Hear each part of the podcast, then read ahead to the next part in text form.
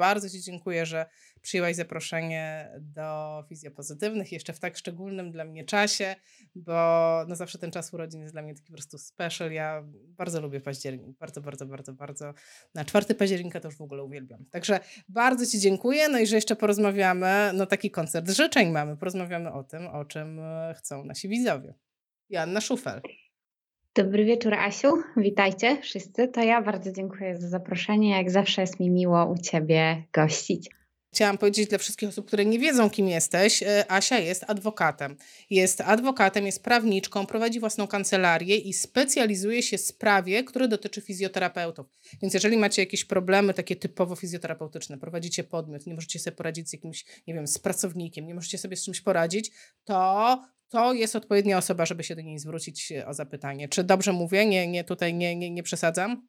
Mam nadzieję, że nie, że tak, że ja jestem właśnie tą właściwą osobą, do której warto się zwrócić, bo rzeczywiście tak już od dłuższego czasu zajmuję się e, prawem dla fizjoterapeutów i to są za mną setki konsultacji, dziesiątki założonych podmiotów leczniczych, więc e, naprawdę myślę, że wiem sporo. Pewnie nie wszystko, bo nigdy się nie wie wszystkiego, ale myślę, że sporo. E, a wiesz co, takie po prostu Wojciech wyjął mi to mm, pytanie z głowy.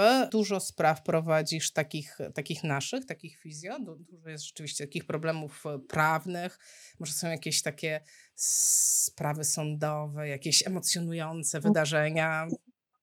E, sądowych to nie. Na szczęście jeszcze szczęśliwie. Zresztą tych spraw takich sądowych, gdzie fizjoterapeuci są na przykład pozwani, to najczęściej dotyczy błędów medycznych, takich popełnionych przez fizjoterapeutów.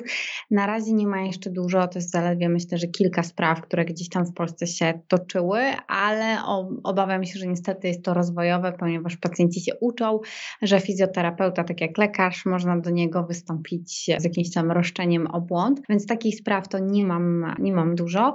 Natomiast na dużo mam takich, gdzie na co dzień doradzam, najczęściej jak założyć, jak prowadzić gabinet fizjoterapii. Pokazuję, że przez to takie bezpieczeństwo prawne można po prostu więcej zarabiać, bo się unika kar, bo się ma pewne rzeczy lepiej zorganizowane, a to się przekłada też na to, że się po prostu lepiej pracuje.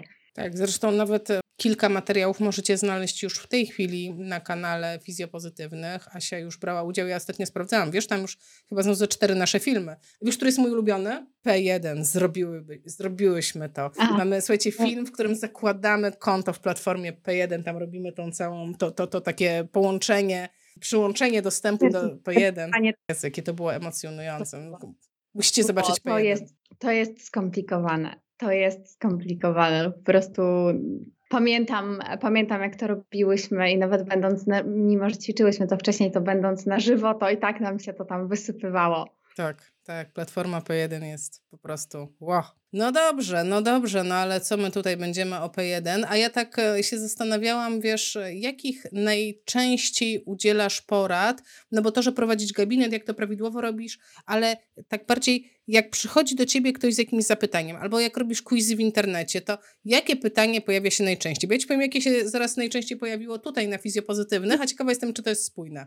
Ja najczęściej mam konsultacje i najczęściej pojawiające się pytanie, co trzeba zrobić, żeby otworzyć gabinet. Mhm. E, więc to jest takie najczęściej pojawiające się pytanie. Wciąż jest dużo pytań o podwyżki, bo to jest temat, który jest mocno emocjonujący, mimo że to podwyżki jakby weszły w życie, zaczęły obowiązywać od lipca ale jeszcze nadal ten temat dość mocno, dość mocno emocjuje i myślę, że to są takie e, największe, w tej chwili najczęściej to są właśnie albo podwyżki, albo to jest, co trzeba zrobić, żeby otworzyć swój gabinet. Jakie dokumenty trzeba mieć w gabinecie, to się jakby wiąże ze sobą. No to tutaj, tak jak widzę, już na czacie się przewinęło to pytanie i dwa razy się przewijało też w pytaniach przed live'em. Akupunktura, suche igłowanie, czy my możemy. I słuchajcie, ja wam powiem, Asia ma cały artykuł na ten temat i wystarczy wpisać sobie w Google takie hasło. Prawo w gabinecie fizjoterapeuty, suche igłowanie. Ten ciąg wyrazów. Prawo w gabinecie fizjoterapeuty, suche igłowanie. Wyskakuje artykuł Asi na blogu, gdzie wszystko jest dokładnie opisane. Ja nie wiem, czy ja powinnam zrobić taki suspens i nie powiemy, i nie powiemy, niech wszyscy doczytają, czy będziesz łaskawa i trochę powiesz. Trochę powiem. To znaczy, bo tam jest też na kanwie takiego dość ciekawego wyroku, co prawda doty, dotyczącego dentystki, więc to w ogóle sobie polecam, polecam przeczytać, bo to jest takie ciekawe pod kątem tego w ogóle, co można robić, a czego nie można. I z tym suchym igłowaniem ja osobiście mam bardzo duży problem dlatego że tego suchego igłowania e, nie bardzo można przypisać do któregokolwiek z elementów wykonywania fizjoterapii. Wiąże się to z przerywaniem ciągłości tkanki i to jest takie dość mocno wątpliwe, czy fizjoterapeuta to suche igłowanie może wykonywać, a ponieważ nie jest to jednoznaczne, to ja bym osobiście odradzała a jeżeli już ktoś to robi, to trzeba zwrócić uwagę na jedną rzecz, żeby sobie to dodatkowo ubezpieczyć, bo większość polis, które są polisami obowiązkowymi dla fizjoterapeuty, nie obejmuje suchego igłowania. Tak, ale powiem Ci, że bo akurat jestem teraz na etapie przedłużania swojej polisy, agenci pytają się, wiesz, pytają się, czy jakieś rzeczy Pani robi pozastandardowe i oni tam wymieniają właśnie, no, to suche igłowanie jest zazwyczaj na pierwszym miejscu, tak jak e, to obserwuję, więc... Hmm. Dajcie znać, czy igłujecie, czy macie ubezpieczenie, jak podchodzicie do, te, do tematu. Bardzo ciekawa jestem. Tutaj też podchodzimy do, do czegoś, z czego w ogóle wziął się pomysł naszego e, live'a, czyli trochę EBM. I to jest też trochę taki problem, że ja pamiętam, bo rozmawiałam kiedyś z Karolem Szapelem na temat suchego igłowania i on właśnie mówił, że jakby suche igłowanie, tak naprawdę EBM ma tam w niewielu określonych problemach zdrowotnych, że to nie jest tak, że suche igłowanie jest problemem, jest jakby rozwiązaniem wszystkich, e, wszystkich problemów, tylko to naprawdę są takie ściśle konkretne wskazania. Ja nie pamiętam tego, bo nie jestem fizjoterapeutką, więc jakoś tam nie, nie przywiązywałam do tego aż takiej wagi, ale to jest właśnie istotne, w kontekście też pytania, które się pojawiło, co to znaczy, że fizjoterapeuta ma zachować należytą staranność. Jakby ustawa o zawodzie fizjoterapeuty wskazuje, że fizjoterapeuta wykonując swój zawód ma zachować, e, zachować należytą staranność i stosować się do aktualnych wskazań wiedzy medycznej. I to de facto oznacza taką wiedzę medyczną opartą na EBM, czyli taką, która ma dowody naukowe i z suchym igłowaniem jest tak, że jeżeli stosujemy to suche igłowanie na coś, na co nie ma tego EBM, i zdarzy się taki przypadek, że no, pacjent się podda temu suchemu igłowaniu mu nie pomoże, albo co gorsza, jego stan zdrowia się pogorszy, to właśnie możemy mieć zarzut, e, że ktoś naruszył właśnie te zasady wykonywania zawodu fizjoterapeuty i wykonywał suche igłowanie nie w oparciu o, nie w oparciu o EBM i co gorsze, jeśli pacjent na przykład zaniecha standardowego leczenia, które jest jakimś leczeniem przyjętym w danym problemie zdrowotnym, to wtedy może się pojawić problem i można ponieść odpowiedzialność dyscyplinarną rzeczywiście, a też odpowiedzialność za, za błąd, bo błędem też będzie zastosowanie takiej techniki leczenia, jakiejś niekonwencjonalnej, która spowoduje, że pacjent zaniechał tego tradycyjnego, konwencjonalnego leczenia i z tego powodu pogorszył się jego stan zdrowotny. Czyli, czyli mogę, patrz, bo ja teraz mi się już kluje w głowie, czyli jeżeli teoretycznie, to co, wymyślam przykład. Pacjent miał udar, przebywał dwa tygodnie w szpitalu, ze szpitala wyszedł ze wskazaniem podjęcia procesu fizjoterapii, czy tam rehabilitacji, no jak to, jak to nazwał lekarz, tak to tam jest. No więc pacjent e, szuka terapeuty, który się tym zajmie e, i na przykład trafia na terapeutę, który uważa, że na przykład świetnym pomysłem po udarze jest, e, nie wiem, terapia czaszkowo-krzyżowa i on pójdzie w tą terapię czaszkowo-krzyżową, a nie będzie w ogóle ćwiczył przez trzy miesiące. I jego mhm. stan funkcjonalny, duże jest prawdopodobieństwo, że się pogorszy. No to to jest błąd w sztuce, rozumiem. To jest to, tak? To jest tak. dokładnie ta sytuacja, tak, że zaniechał... To, że przez zastosowanie jakiejś konwencjonalnej metody leczenia, która jest przyjęta przy udarze, czyli rozumiem, że ćwiczenia usprawniające, które mają na celu przywrócić sprawność e, pacjenta, jest podejmowana terapia, która no nie ma dowodów naukowych, że działa w tym konkretnym problemie zdrowotnym, to jakby tak, to może zostać uznane za błąd w sztuce, szczególnie, że w przypadku udaru to jeszcze mamy tą sytuację, że jak ta terapia nie jest dość prowadzona dość szybko, to często są to nieodwracalne e, zmiany i tego się nie da potem, jak po trzech miesiącach zacznie z kimś ćwiczyć, to może się okazać, że się nie da już jakby tego, co się zaprzypaściło przez te trzy miesiące odbudować, prawda? To ty lepiej wiesz. No tak, no ale Asia, my nie mamy polskich wytycznych. Czy to znaczy, że skoro nie mam polskich wytycznych, to, co robię, to robię co chcę? No bo nawet jeżeli mam wytyczne jakieś zagraniczne, jakichś, nie wiem, szanowanych towarzystw, czy międzynarodowych, czy nie wiem, amerykańskich, czy brytyjskich, no to ja mam barierę językową, tak? Czyli mhm. sam fakt, że one istnieją, wystarcza do tego, żeby mnie oskarżyć, że ja się do nich nie zastosowałam, czy właśnie, czy właśnie no trudno. No, powinnaś to wiedzieć. Jak, jak to jest? To jest rzeczywiście trudny taki problem, że nie ma protokołów takich leczenia w określonych jednostkach chorobowych, określonych problemach zdrowotnych. No i tutaj trzeba po prostu zastosować no, zdrowy rozsądek też i wiedzę, którą się nabywało na studiach, czy nawet na kursach. I to też jest ważne, żeby te kursy dobierać w dobrych miejscach, żeby kupować dobre kursy od dobrych osób, które są w stanie pokazać, że ta ich metoda ma, jest udokumentowana naukowo, że ona pomaga. I oczywiście jest tak, że na dany problem zdrowotny jest kilka metod leczenia i to nie jest, nie chodzi o to, że ty masz wybrać, bo według badań ta ma 70% skuteczności, a ta ma 60% na przykład. Ty masz wybrać tą, która rzeczywiście ma dowody, że jest skuteczna w danym problemie, e, danym problemie zdrowotnym. I, i, I to nie jest tak, że e, oczywiście ty masz wybrać najlepszą dla Twojego pacjenta, i to od Twojej oceny należy, która jest najlepsza dla Twojego pacjenta, i masz wybrać spośród tych, które są uznawane, ale no nie e, tak jak Ty powiedziałaś, że no pacjent po, po udarze i są jakieś metody leczenia pacjentów po udarze, jest na przykład Twoje szkolenie, tak zrozumieć udar, które pokazuje, jak są postępować z pacjentem, i to jest na pewno oparte na wiedzy naukowej i Twoim doświadczeniu zawodowym, i no i nie może być takiej sytuacji, że właśnie na tym pacjencie po udarze ktoś na przykład teraz mówi już taki, wiesz, mocno skrajny przypadek, bo ta terapia e, krzyżowo-czeszkowa to jest tak, wiesz, e, to jest kontrowersyjne, ale żeby tak skrajnie pokazać, że na przykład ktoś, nie wiem, pijawki stosuje mhm. u takiego pacjenta, bo to mu ma coś tam, e, e, coś tam zrobić, zregenerować, nie wiadomo, nie wiadomo co, tak? I, i, I to jest taka oczywista oczywistość, że no to nie, nie zadziała. I w sytuacji, kiedy pacjent robi te pijawki e, i nie robi tego standardowego leczenia, bo ktoś mu mówi, że nie, pijawki mu pomogą, to zaniechano standardowej metody leczenia, zastosowano to leczenie, leczenie niekonwencjonalne, niepoparte naukowo i wtedy jest właśnie problem. No tak.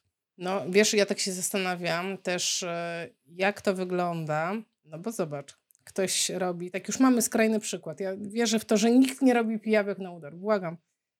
po prostu mam szczerą nadzieję, że nikt tego nie robi. No ale załóżmy, że ktoś to zrobił, ten nasz wyimaginowany przykład y, skrajny i w ogóle nieistniejący. No to ta osoba powinna to zapisać w dokumentacji każdej wizyty. Tak jeżeli ten pacjent na przykład przyjdzie potem do mnie czy do kogoś innego, po prostu zapragnie zmienić terapeutę, albo w ogóle, no nie wiem, ubezpieczyciel albo lekarz, no jakakolwiek instytucja poprosi o wydanie dokumentacji medycznej, a mhm. zwłaszcza o napisanie jakiejś opinii o tym pacjencie, no to nie dość, że to powinno się tam pojawić, powinno się pojawić z jakimś wytłumaczeniem. No i tutaj dochodzę troszeczkę do pytania Pauliny, jak, co powinna zawierać taka opinia fizjoterapeuty na temat stanu zdrowia pacjenta? Ja teraz przed naszym live'em próbowałam sobie gdzieś tam pogrzebać i nie ma co taka opinia powinna zawierać. Na pewno są to podstawowe elementy, czyli no oznaczenie pacjenta poprzez jego imię, nazwisko, PESEL. To jest ważne, żeby się pojawił PESEL, e, jakiś tam adres, adres zamieszkania pacjenta, żeby udało się skonkretyzować, że to jest ten konkretny pacjent. No a sama kwestia opinii to oczywiście no, jakieś rozpoznanie, z którym pacjent trafił, opis przebiegu leczenia, ewentualnie jakby jakieś rezultaty, które się po tym leczeniu, e, leczeniu zostały, zostały osiągnięte. Zresztą tam przepis mówi o tym, ja przepraszam sobie na szybko przyrzucę, że fizjoterapeuta wydaje opinie i orzeczenia odnośnie stanu funkcjonalnego e, pacjenta oraz przebiegu procesu fizjoterapii. Czyli tak naprawdę mamy dwa rodzaje tej opinii. E, opisujący stan funkcjonalny pacjenta, czyli opisujemy po prostu w takiej opinii, e, jak pacjent funkcjonuje, wskazując na jakieś jego dysfunkcje, które występują, prawda, że no no, jakieś tym podstawowe testy robimy, to można, to jest już trudniejsze, można próbować opisać przez tą klasyfikację ICF, tak, bo ona jakby określa ten stan funkcjonalny pacjenta, a druga rzecz to jest opis, e, opinia czy orzeczenie odnośnie przebiegu procesu fizjoterapii, czyli opisujemy, co z pacjentem było robione, że na przykład 10 razy pacjent był u nas, 10 razy robiono mu to czy tamto. I, i to są opinie, które wydaje, e, wydaje fizjoterapeuta. Słuchaj, a ja mam codziennie zapisywać dokładnie, co robiłam z pacjentem, no bo mówisz, no bo z nim zrobiono 10 razy coś. No to ja mogę powiedzieć, że nie wiem, 10 razy ćwiczył. Ale czy jak, nie wiem, zrobił ze mną załóżmy 15 obrotów na lewy bok, 8 obrotów na prawy, potem 3 razy usiedliśmy, potem 5 minut się bujał, a potem to chciał pić, więc miał przerwę. To ja to wszystko mam zapisywać, czy, czy, czy, czy no jak to ugryźć? Jak dokładne to powinno być? No mi się mówi, im dokładniej, tym lepiej.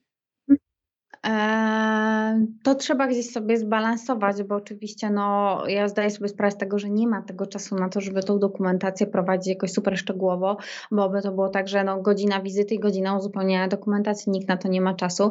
Natomiast to, co jest ważne, na pewno z każdej wizyty musi się pojawić wpis w dokumentacji medycznej, z każdej wizyty pacjenta bo każda wizyta jest udzielaniem świadczenia zdrowotnego, a z udzielania świadczenia zdrowotnego konieczne jest dokonanie opisu. E, wpisu do dokumentacji medycznej. Jeśli, tak jak mówisz, z pacjentem były robione ćwiczenia, to oczywiście tej liczby powtórzeń no nie musimy zapisywać, ale warto napisać, że to były ćwiczenia, nie wiem, usprawniające i jakby której części ciała one dotyczyły. Na przykład jak masz, wiesz, tą pierwszą wizytę taką e, diagnostyczną e, i tam opisujesz, jaki jest zaproponowany proces leczenia jakie są zalecenia i tam są bardziej szczegółowo te ćwiczenia gdzieś tam opisane, to można wskazać, że te ćwiczenia na pierwszej wizycie, a teraz prowadząc dokumentację w postaci elektronicznej, to już nie jest takie trudne, bo można sobie to po prostu skopiować, jakie ćwiczenia z pacjentem zrobiono. Tak, że... Liczbę powtórzeń niekoniecznie, ale napisałabym, że była to kinezyterapia, jakiej części ciała dotyczyła, jaki był cel tych ćwiczeń. Jeśli da się odpisać, jeśli mamy gdzieś takie pre, predefiniowane wpisy, to można wpisać nawet, jakie ćwiczenia zostały zrobione. To jest ważne, bo e, też e, też jakby, e, jak kiedyś podawałam już ten przykład, zresztą to jest mój taki kluczowy przykład, że fizjoterapeuta miał taki przypadek, że pacjent go oskarżył, że mu złamał nogę podczas fizjoterapii i ubezpieczyciel poprosił o dokumentację medyczną i z dokumentacji medycznej no, wynikało, że oni pracowali nad inną częścią ciała i nie był w stanie mu złamać nogi, a się okazało finalnie, że pacjent e, złamał sobie nogę poza gabinetem, ale że nie miał ubezpieczenia NNW, więc sobie pomyślał, że może spróbuje tak tą kasę wyciągnąć.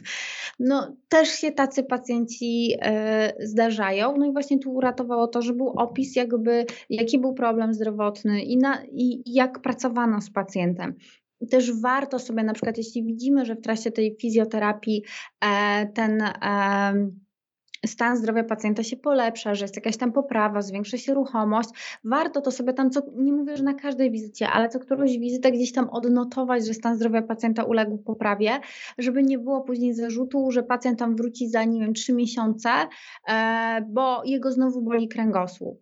E, gdzie był, była ta poprawa e, podczas, podczas ćwiczeń i pewnie ona jest wynikiem tego, że no pacjent skończył chodzić do fizjoterapeuty, skończył ćwiczenia, skończył ruch, a ma później pretensje do fizjoterapeuty, że no to było złe leczenie, bo jemu po trzech miesiącach wróciły dolegliwości bólowe. Więc warto to sobie opisywać, że ta nasza na przykład, e, że zastosowane przez nas leczenie przynosi jakby progres.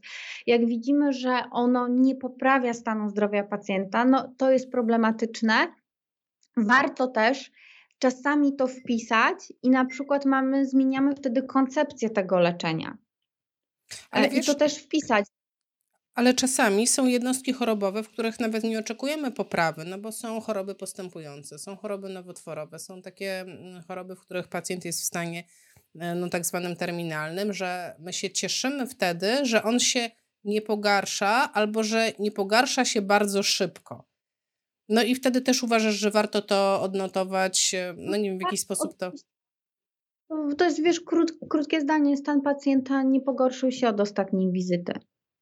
Super. Wiesz, ja słyszałam takie twierdzenie, że, zda, że jeżeli się dobrze prowadzi dokumentację, to może być taka sytuacja, że w razie problemu, jakiejś skargi, jakiejś, nie wiem, przesłuchań, e, to nawet nie zostaniemy wezwani na takie przesłuchanie, bo ta dokumentacja dostatecznie dobrze prowadzona wystarczy. Jak będzie z niej wynikało wszystko, co ma wynikać.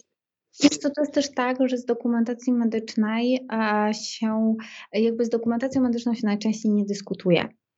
E, jakby to, co jest w niej wpisane, raczej się nie podważa, no chyba, że ktoś ma twarde dowody, że ona została w jakiś sposób sfałszowana, bo na przykład pacjent powie, że ja nie byłam u tego fizjoterapeuty i ja tego człowieka nie znam, a on jest podpisany pod dokumentacją e, medyczną, na przykład. To jest tam problem z jednym pytaniem, które się pojawiło.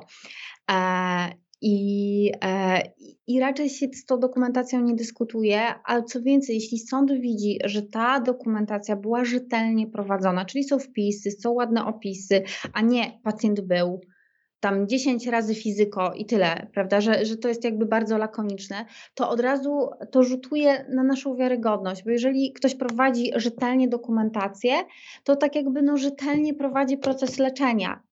E, a jak ta dokumentacja jest niechlujnie prowadzona, jest bardzo lakoniczna, e, nie ma wielu rzeczy, e, no to to już komuś się zapala lampka, to skoro ktoś się nie przykłada do dokumentacji, to może się też nie przykładać do tego procesu leczenia pacjenta. Ja zawsze powtarzam, bo wiem, że zawsze jest ten zarzut, ale jak znaleźć na to czas?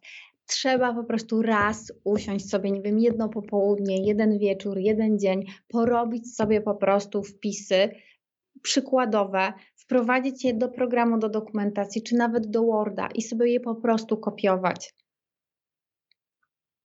Tak, wiesz co, y, Teraz Finezjo...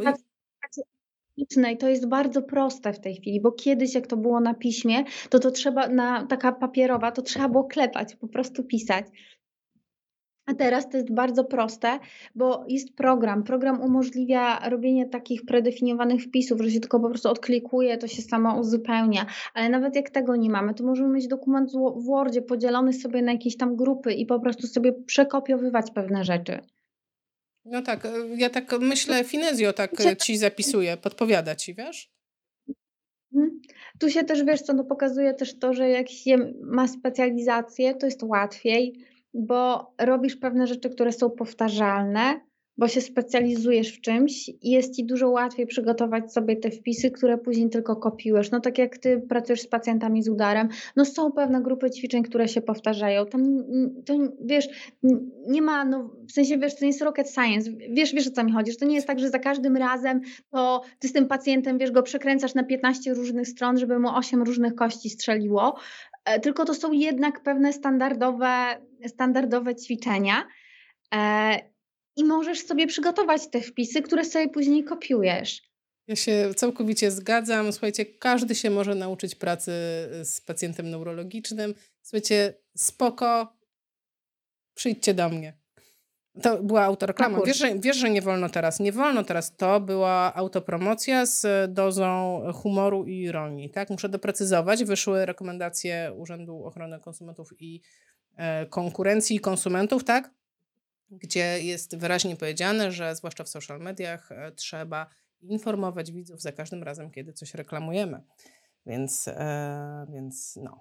Znaczy, żeby się nie, nie, źle nie zrozumiała, wiem, że to są skomplikowane przypadki, ale no jednak jest pewna powtarzalność, tak, prawda? Tak, tak. No nie, tak jak no, ja mam.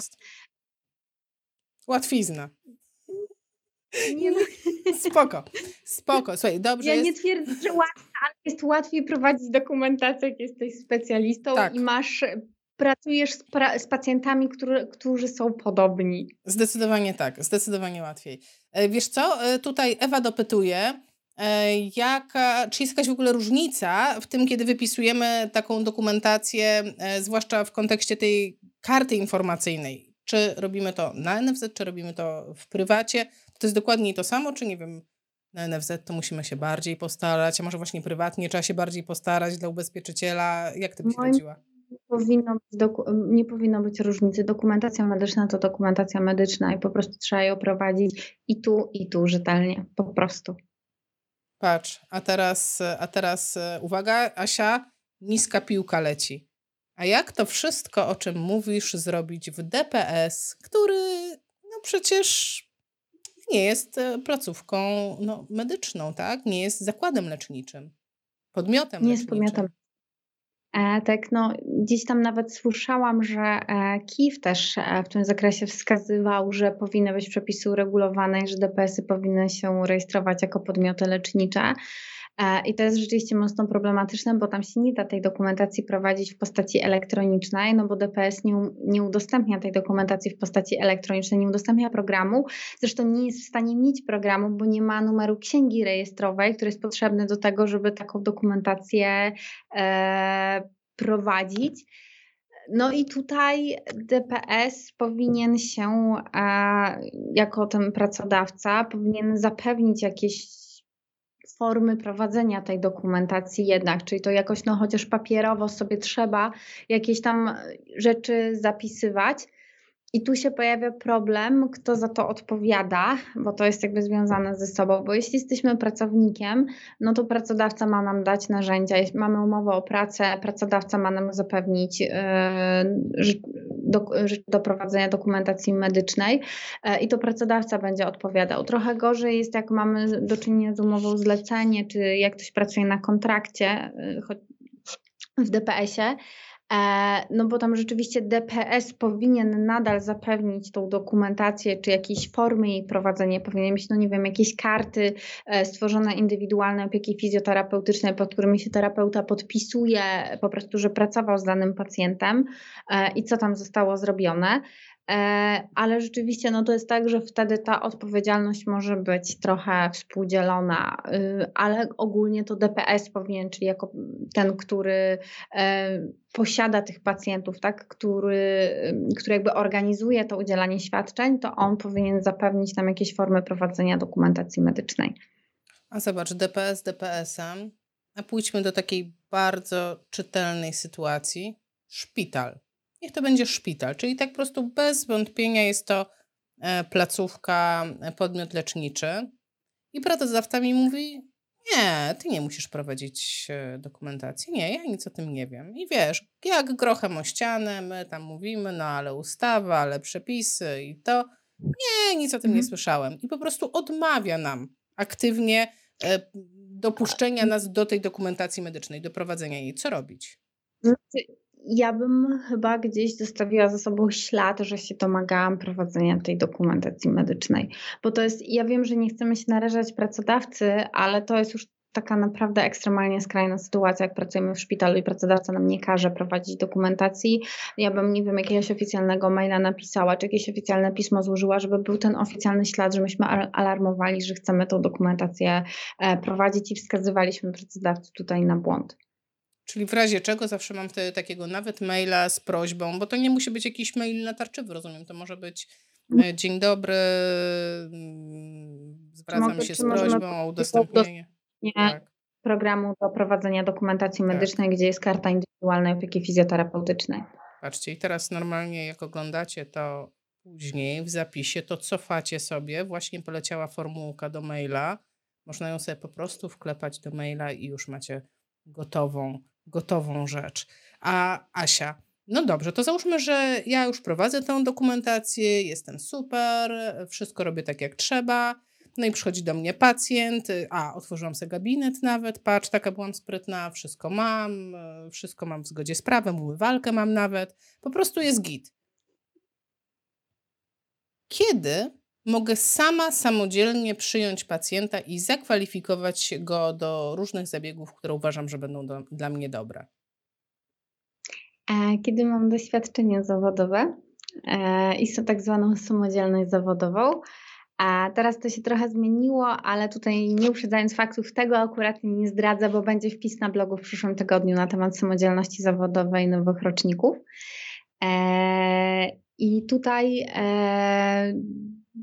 trzeba mieć tytuł magistra. Generalnie zasada była taka, że tytuł magistra i 3 lata doświadczenia, tytuł licencjata i 6 lat doświadczenia, y, a i tytuł technika i również 6 lat doświadczenia. Zaraz podejrzę, czy na pewno 6, dajcie mi moment.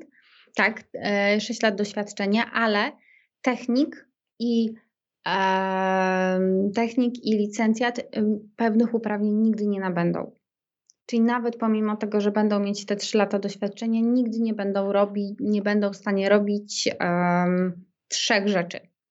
nie będą nigdy w stanie kwalifikować do fizykoterapii i kinezyterapii, czyli odbywać tej takiej pierwszej wizyty kwalifikującej pacjenta e, do, do tego typu zabiegów. Nie będą nigdy mogli zlecać wyrobów medycznych i nie będą mogli nigdy wydawać opinii i orzeczeń odnośnie stanu funkcjonalnego pacjenta oraz przebiegu procesu fizjoterapii. Czyli to są te trzy rzeczy, których e, fizjoterapeuta z tytułem licencjata i tytułem technika, nawet jeśli będzie mieć 6 lat doświadczenia, nigdy nie będzie mógł robić. I niezależnie od tego, nie, to nie jest zależne od tego, czy ktoś pracuje na NFZ, czy nie. Tak samo jest to komercyjnie i tak samo jest to e, na, e, odbywa się na NFZ. To jest takie trochę kuriozum i ja nawet rozumiem te osoby, którym prawo się zmieniło w ciągu trwania kariery zawodowej, no bo zobacz teraz, ktoś zrobił technika 20 lat temu, czy licencjatów chyba nie było 20 lat temu. Ja byłam chyba pierwszym rocznikiem, który w ogóle miał możliwość licen- zrobienia licencjata. E, no ale masz ten, no, no jesteś tym technikiem. Od 20, nie, 20 lat to mało, a ja mam 20 lat doświadczenia. To jest mało, ja wciąż jestem młoda, wciąż jeszcze mało wiem. Ktoś ma 35 lat doświadczenia w zawodzie, no ale zrobił 35 lat temu dyplom technika i on wciąż nie zakwalifikuje mm, tego pacjenta na zabiegi, wciąż nie wystawi tego zaopatrzenia, tak? On, on po prostu nigdy tego nie zrobi.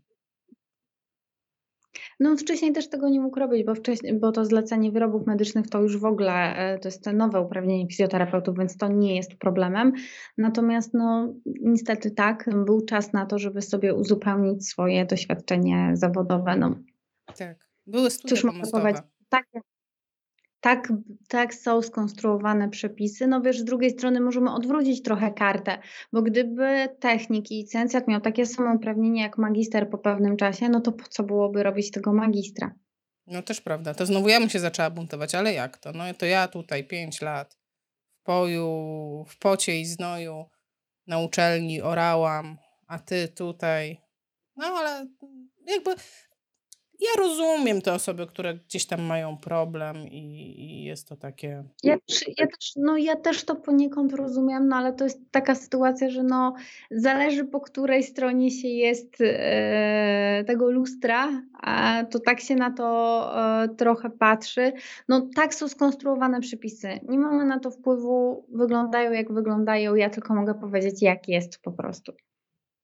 Asia, a jak to jest? E, czy jak ja jestem magistrem, no już w tej chwili naprawdę z wieloma lat, e, latami doświadczenia. To znaczy, że wolno mi, już abstrahując od tego, od tej kwalifikacji, od tego wypisywania zleceń, od tego wszystkiego, co mówiłaś przed chwilą, ale jeżeli ja mam swoje jakieś tam kompetencje, to czy zgodnie z literą prawa, to ja mogę zrobić wszystko, co mi się podoba, czyli nie wiem, na przykład ćwiczyć metodą, tam nie wiem, asymetryczną, ćwiczyć e, metodą PNF, e, a może metodą Bobat. Wcale nie mam dyplomu kursu Boda, Bobat, a to znaczy, że nie mogę Bobotami. W końcu ruch to ruch, albo robić terapię powięziową, a jak położę rękę na kimś i naciągnę i jestem już, nie wiem, w mojej ocenie w terapii powięziowej, ale jakby ktoś inny to zrobił, to nazwałby to masaż to, mm, a znowu tutaj e, piję troszeczkę do pytania Alicji, która spytała konkretnie o terapię powięziową, która tam zgodnie z jakimś rozporządzeniem ministra e, powinna być, należy do czynności zawodowych specjalisty. To jeżeli ona należy do czynności zawodowych specjalisty, to co, mnie nie wolno terapii powięziowej zrobić? No błagam cię.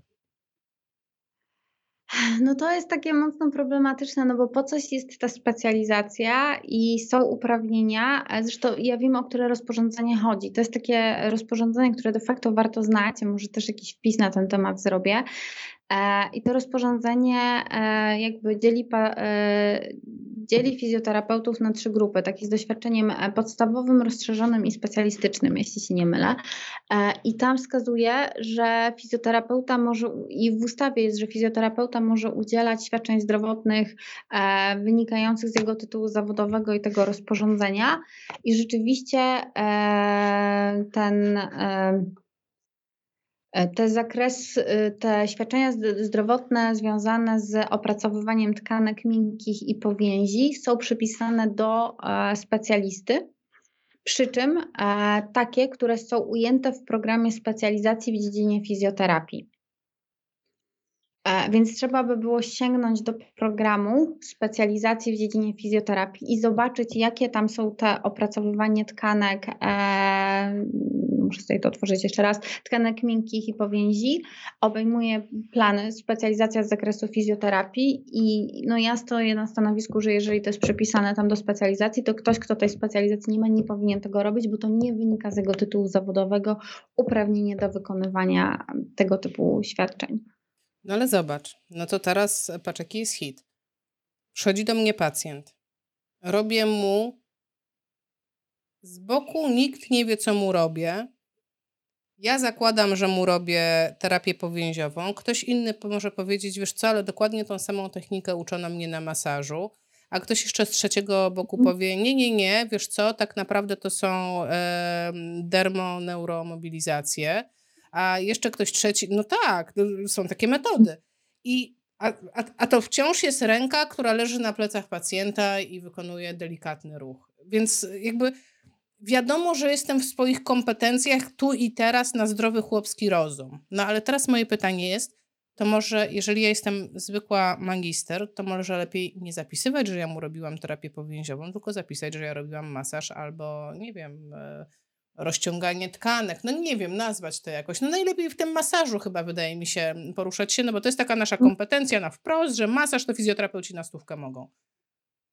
Co uważasz? A, no i cóż ja mogę powiedzieć? Zgodnie z literą prawa powinno się wpisać w dokumentację medyczną to, co zostało zrobione z pacjentem, bo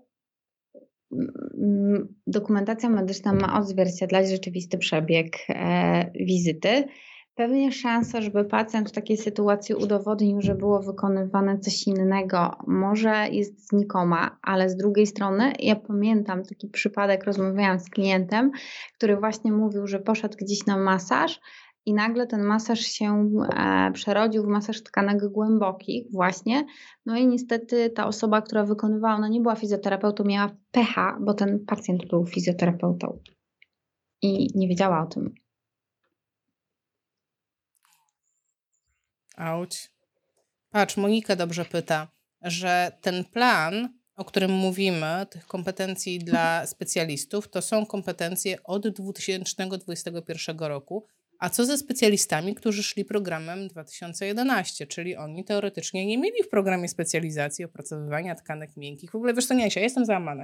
Ja muszę to powiedzieć. Ja muszę to powiedzieć. Mieć, dlatego Jestem załamana, że dlatego że my wszyscy opracowujemy tkanki miękkie. No, no proszę cię, my wszyscy opracowujemy, my pracujemy na tkankach miękkich. Już, dobra, już koniec załamania.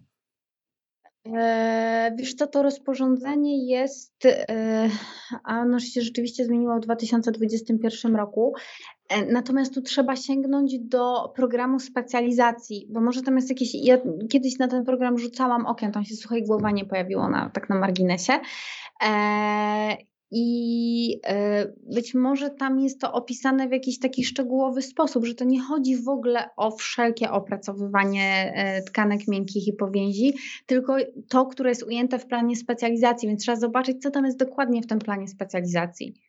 Ale to myślisz, że dotyczy to w tym momencie wszystkich specjalistów, nawet tych, którzy się uczyli 20 lat temu i w ogóle nie wiem, w ogóle tego nie było w programie, to wciąż oni nabywają tych kompetencji, na papierze oczywiście, tak, nabywają tego, że oni mogą te tkanki opracowywać, a my nie. Szczerze powiedziawszy, nie wiem, jak mam Ci odpowiedzieć na to pytanie. E, już patrzę, chcę coś zobaczyć w tym e, rozporządzeniu, ale mi się przed chwilą otworzyło i zamknęło. Wiesz co, ja myślę, że to jest dobry moment, żeby zrobić sobie notatkę, że to jest do zgłębienia i na bloga, bo to jest dla nas bardzo ważne, tak. ja ci powiem. To jest, przynajmniej dla mnie, to jest bardzo ważne, bo widzicie moje po prostu wewnętrzne wzburzenia, ale że jak to? Że, że, że co, że ja nie mogę na powięzi? No, mm. Mm. rozumiem o co ci chodzi i to jest tak jak tam się w programie specjalizacji na przykład pojawiło suche igłowanie, co by oznaczało, że to jest przypisane tylko i wyłącznie do specjalisty. A, czy pojawiło się też USG, USG. prawda? Wykonywanie, wykonywanie USG. Natomiast wydaje mi się, że USG z kolei nie jest ujęte w tym planie, e, w tym rozporządzeniu e, jako przypisane do. zaraz zobaczę. jako przypisane do osoby, która ma tytuł e, specjalisty. Więc to jest tam, bo to trzeba jakby dwojako e, patrzeć na to, na plan specjalizacji i ten zakres z rozporządzenia, który, który jest. Tak, ja pozwolę sobie odczytać komentarz na czacie, dlatego że bardzo tutaj jest emocjonalny. E, czy to znaczy, tak, jeżeli jestem w trakcie kursu FDM, to są właśnie takie manipulacje powięziowe, e, czyli kursie bazującym na powięzi, to po ukończeniu kursu prawnie nie mogę pracować tą metodą. Tak samo masaż tkanek głębokich. Marlena pisze, przecież to jest chore. To wygląda tak, jakby na siłę chciano nas wysłać na specjalizację, abyśmy mogli robić cokolwiek. Ja podzielam wasze poruszenie, ale ja bym, e, słuchajcie, ja bym odpuściła Asi, ponieważ myśmy się nie umawiały na ten temat. On wypadł tak zupełnie z boku, ale Asia, ja myślę, że to jest naprawdę. My bardzo cię prosimy, napisz na bloga wpis o pracy ja na. Powiem bo sobie na szybko otworzyłam, mogę powiedzieć, bo to jest tam wszystko się rozbija o masaż i co jakby przewiduje, e, że może robić fizjoterapeuta z zakresu masażu. E, I mamy e, prowadzenie zabiegu z zakresu masażu i mamy tutaj trzy rzeczy wyróżnione. Masaż z zastosowaniem technik ręcznych może robić fizjoterapeuta, który ma poziom podstawowy, rozszerzony i specjalistyczny. Masaż z zastosowaniem urządzeń mechanicznych może wykonywać fizjoterapeuta, który ma poziom podstawowy, rozszerzony, specjalistyczny, a wykonywanie procedur z zakresu opracowania tkanek miękkich i powięzi ujętych w programie specjalizacji w dziedzinie fizjoterapii tylko i wyłącznie fizjoterapeuta mający poziom specjalistyczny. Myślę, że wiele osób nie będzie Więc... dobrze spało po dzisiejszym live'ie. Tak ci powiem. To nie była Trzeba informacja, by którą chcieliśmy usłyszeć. Co jest ujęte w tym programie specjalizacji w dziedzinie fizjoterapii w zakresie tego, w zakresie opracowywania tkanek miękkich i powięzi, bo może tam jest jakiś wycinek tylko ujęty który może specjalista. Natomiast tak jakby patrząc, patrząc na to wprost i tak interpretując to tak na szybko, no to niestety trochę to tak wygląda, że specjalista może tylko się tym zajmować. Ja chcąc złagodzić ten temat już przeczytam pytanie Marty. A terapeuta SPA może wykonywać? Ja byłam ostatnio w spa, byłam w spa. Asia, byłam w spa, miałam masaż kamieniami, nie wiem kto mi robił, ale cały czas myślałam nad tym, e, czy ja bym zrobiła tak samo. Ojej, to mm, ojej ciepłe. Ciekawe jak on to czuje w rękach. Po prostu nie, nie, to jest po prostu, ja się nie nadaję na chodzenie na masaże, absolutnie. No ale w spa. Moim zdaniem nie, Dlatego, że jak rozumiem, takie opracowanie tkanek miękkich powięzi to już ma walor leczniczy, tak? Bo to służy jakby leczeniu jakichś jednostek chorobowych i jakby celem tego jest poprawa stanu zdrowia pacjenta, a jeżeli cel ma charakter leczniczy, nie może tego wykonywać osoba, która nie ma uprawnień, czyli terapeuta SPA może wykonywać tylko zabiegi, których celem jest relaksacja. Świetnie, już, nie, no już. Ewelina pisze, czyli zamykamy gabinety. Agnieszka pisze, to ja nie otwieram. E, no. Anna, najlepsza. Ja pierdzielę, nie wierzę. Anna, jestem z tobą. Nie wierzę, nie wierzę. Nie byłyśmy umówione na ten temat. Nie wierzę. I can't believe it. Spróbuję jeszcze zgłębić ten temat i spróbuję się zastanowić i to Wam jakoś rozpisać. Nie wiem, czy to się uda zrobić na blogu, bo to jest takie, wiesz, dość mocno skomplikowane, czy nie będziemy się musiały jeszcze raz spotkać i to wtedy już, wiesz, z prezentacją, żeby to było po, po pokazywane, jak to wygląda, bo tak na blogu jak napiszę, to wiem, że to będzie ciężkie, pewnie będzie trudne do zrozumienia, chociaż jakiś wpis pewnie e, w tym temacie, e, w tym temacie e, wrzucę. Natomiast no, jeśli chodzi o te terapeutę spa, czy jak to tam instruktora spa, bo to są tam różne, różne nazwy, no to tu raczej nie ma wątpliwości. No taka osoba nawet masażu leczniczego nie powinna wykonywać. Tak, tylko kamienie, shiatsu i ten, y, no, przepraszam, mam skojarzenia. Ktoś mi napisał, że... Mamy masaże relaksacyjne po prostu. Znaczy, ja mogę tylko po swoim przypadku powiedzieć, że robienie takiego masażu tkanek głębokich komuś, kto przychodzi do zwykłego gabinetu, to się może źle skończyć, bo ja kiedyś byłam na takim masażu i tak mnie wymasowała terapeutka. A no ja nic, nic z tym nie zrobiłam, ale przez trzy dni byłam na lekach przeciwbólowych, nie byłam w stanie się ruszać, nie byłam w stanie unieść głowy. Wspaniale. Asia, teraz uwaga, leci piłka twoja ulubiona, twoja ulubiona. Szykuj się, już tutaj ja serwuję, ty odbierasz. Natalia pisze, a może warto wtedy zarejestrować działalność pod PKD, działalność paramedyczna, wtedy wszystko możemy. Nie. Eee, no bo działalność paramedyczna, jeśli coś jest przypisane do działalności do jakiegoś określonego zawodu medycznego, to nie można tego wykonywać w ramach działalności paramedycznej, skończywszy jakiś dziwny kurs. Bo to jest trochę tak, jakby ktoś powiedział, że ja sobie teraz pójdę na przykład, nie wiem, na kurs e, osłuchiwania. No, nie ma takich kursów, tak? Ale że idziesz ten kurs, dostajesz stoskop do ręki, sobie tam uczysz, jak osłuchiwać pacjenta. I teraz sobie założę działalność paramedyczną i będę osłuchiwać pacjenta pod działalnością paramedyczną i będę mówić, że on e, jakby, że no będę mu diagnozować tak, że no nie wiem, ma zapalenie skrzeli, czy coś tam, bo ja sobie go mogę poosłuchiwać i powiedzieć, że to jest działalność paramedyczna. Nie. Jeśli coś jest przypisane do konkretnego zawodu medycznego, a i należy, leży w kompetencjach konkretnego zawodu medycznego, nie możemy tego robić w działalności, w, jako działalność paramedyczna. Asia, a nawet Działalność wtedy... paramedyczna są konwencjonalne metody leczenia. No dobra, no to wróćmy do konwencjonalnych. A jeśli tą konwencjonalną terapię powięziową ja, pani magister, robię lepiej niż obok pani specjalistka, to wciąż mi nie wolno. Oczywiście zgodnie z literą prawa. Ja wiem, że teraz już drążymy ten temat, po prostu kopiemy. No, muszę, trzeba sięgnąć do tego planu specjalizacji i zastanowić się, co tam, e, co tam jest wpisane i, i przeczytać, co, co obejmuje plan specjalizacji z zakresu opracowywania tkanek miękkich i powięzi. Dobra, dobra, zmieniamy temat. Nie, słuchajcie, wychodzimy z tej powięzi, bo zdenerwujemy się niepotrzebnie. Po prostu zostanie, liczymy się na to, że no, coś nam takiego dasz, wiesz, co trochę pocieszy nasze fizjoterapeutyczne serca.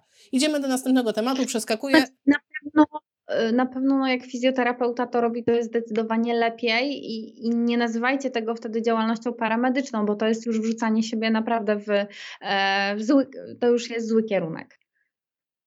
Okej. Okay. Za chwilę, wiesz, pojawiają się nowe pytania na czacie, ale co następne to lepsze. Chwila od zipki, słuchajcie, bo generalnie my już rozmawiamy 50 minut, więc to już tak dosyć dużo, a dużo jeszcze przed nami.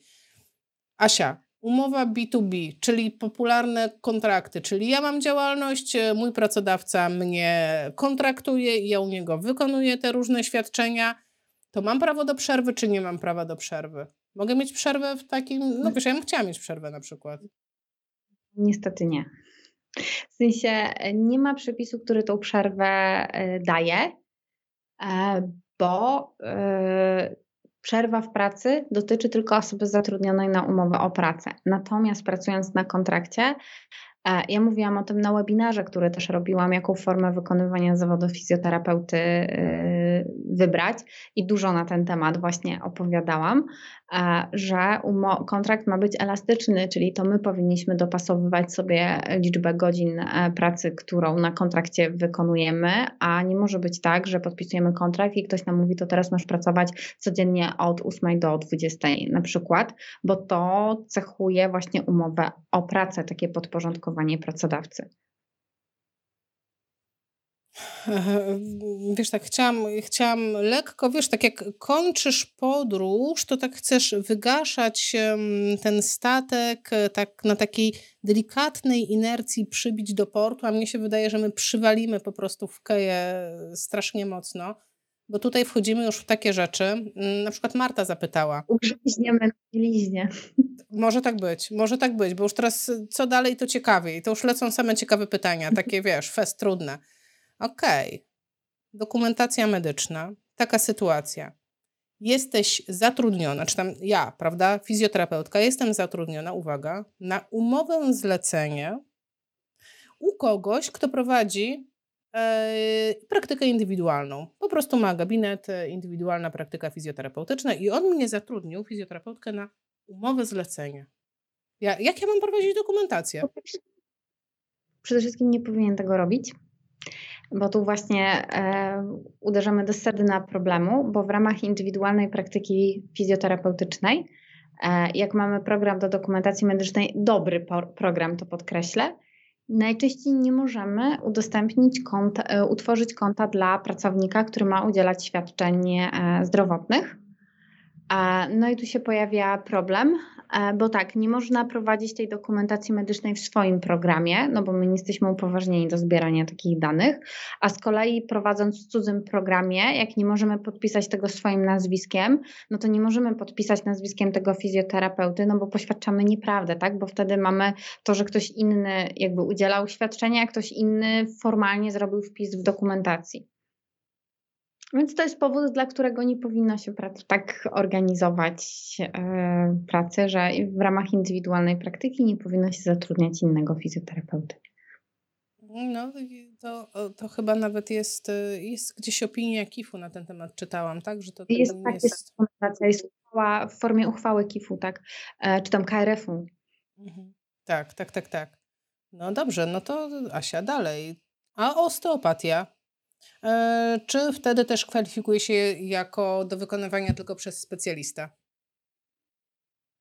Mm, wydaje mi się, że z tą osteopatią to jest w ogóle tak, że to jest problematyczne, czy to jest już fizjoterapia, czy jeszcze nie jest fizjoterapia. A w tym programie, który określa, już momencik, ja sobie na szybko spróbuję wygooglać, e, jakiej, e, tam jest taki załącznik, on się nazywa Szczegółowy wykaz czynności zawodowych fizjoterapeuty w ramach poszczególnych zadań zawodowych i odpowiadający im poziom wykształcenia niezbędny do ich wykonywania. I tam nie ma, nie ma osteopatii, więc jakby Czyli oznacza to, że no osteopatię, bo warunkiem dostania się na studia osteopatyczne jest chyba to, że się ma tytuł fizjoterapeuty albo się go będzie miało, jak się skończy osteopatię. E, więc no, to jakby może robić po prostu fizjoterapeuta, który ma tytuł magistra, tak? Bo tam chyba trzeba mieć tytuł magistra, żeby, żeby móc pójść na te, na te studia. Natomiast tu mamy pewien problem, czy osteopatia jest fizjoterapią, czy nie jest fizjoterapią, więc ja dla takich osób, które wykonują te techniki osteopatyczne i stosują te elementy leczenia, E, ja bym robiła to dwutorowo, w sensie, że chyba bym miała dwa PKD, czyli fizjoterapeutyczne i to paramedyczne, bo to jest rzeczywiście taka trochę niekonwencjonalna metoda leczenia i pamiętałabym o podwójnym ubezpieczeniu, czyli żeby kupić sobie polisę dla fizjoterapeuty obowiązkowo, bo musimy mieć, ale jeszcze ubezpieczyłabym sobie działalność paramedyczną.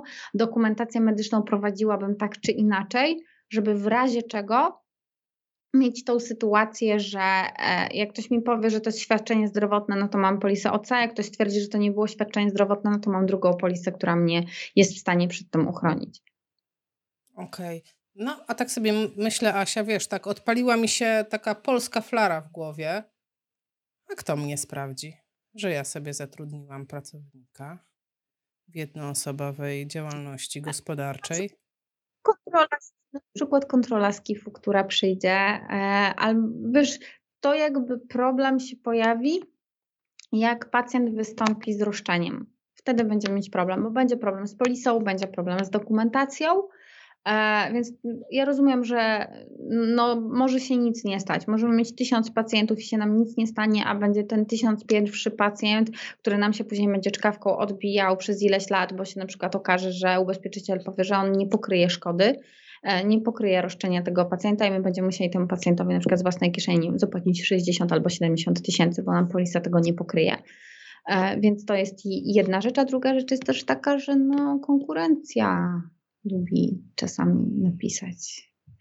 No ale wiesz co, a to mnie to w ogóle bardzo ciekawe. Ja ci mówię, przywalimy w ten pomysł, po prostu już z grubej rury.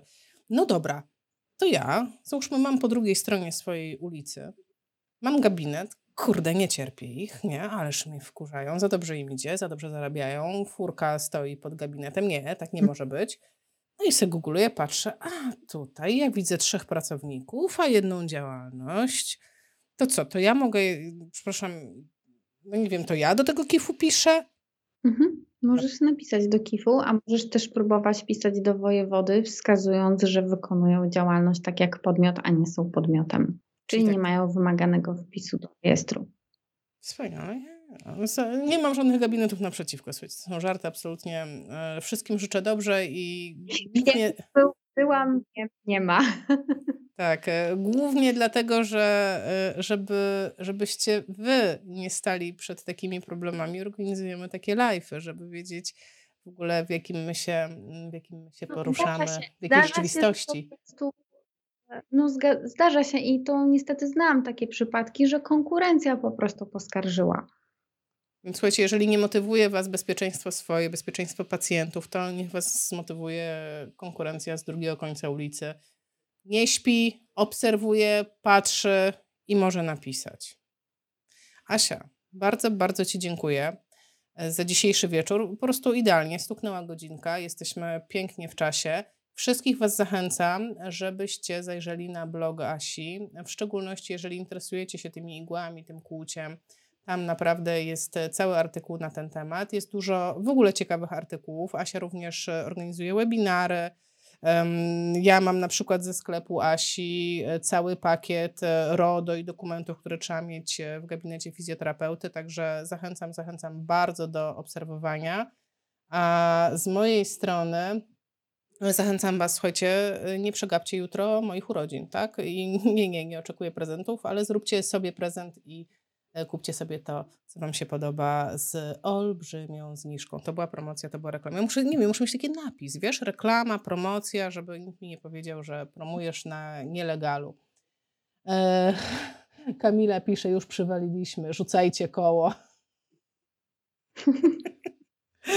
Jak potrzebujecie koła, pani, e, pani mecenas Szufel tutaj jest naszym kołem ratunkowym. Asia, jeszcze raz bardzo, bardzo, bardzo Ci dziękuję. No i cóż, do zobaczenia. Do zobaczenia w internetach. Asię znajdziecie na Instagramie. Właśnie, ja tego nie powiedziałam najważniejszego. Asię znajdziecie na Instagramie. A mogę zdradzić? Mogę zdradzić, fej- mogę zdradzić Facebooki? Mogę? Uwaga, uwaga, to jeszcze zdradzam Facebook.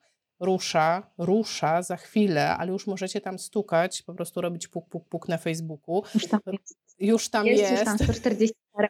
Uuu, słuchajcie, grupa, która się nazywa Prawo w gabinecie fizjoterapeuty. Więc jeśli stricte interesują Was takie problemy prawne, wbijajcie na grupę do Asi. I patrz, ja teraz robię, teraz robię reklamę Tobie, czyli powinnam mieć, teraz takie powinno być współpraca, współpraca. Nie wiem, jakbym była już na tej grupie, bo jeszcze też nie jestem, dzisiaj się dowiedziałam, to powinno być prezent, prezent.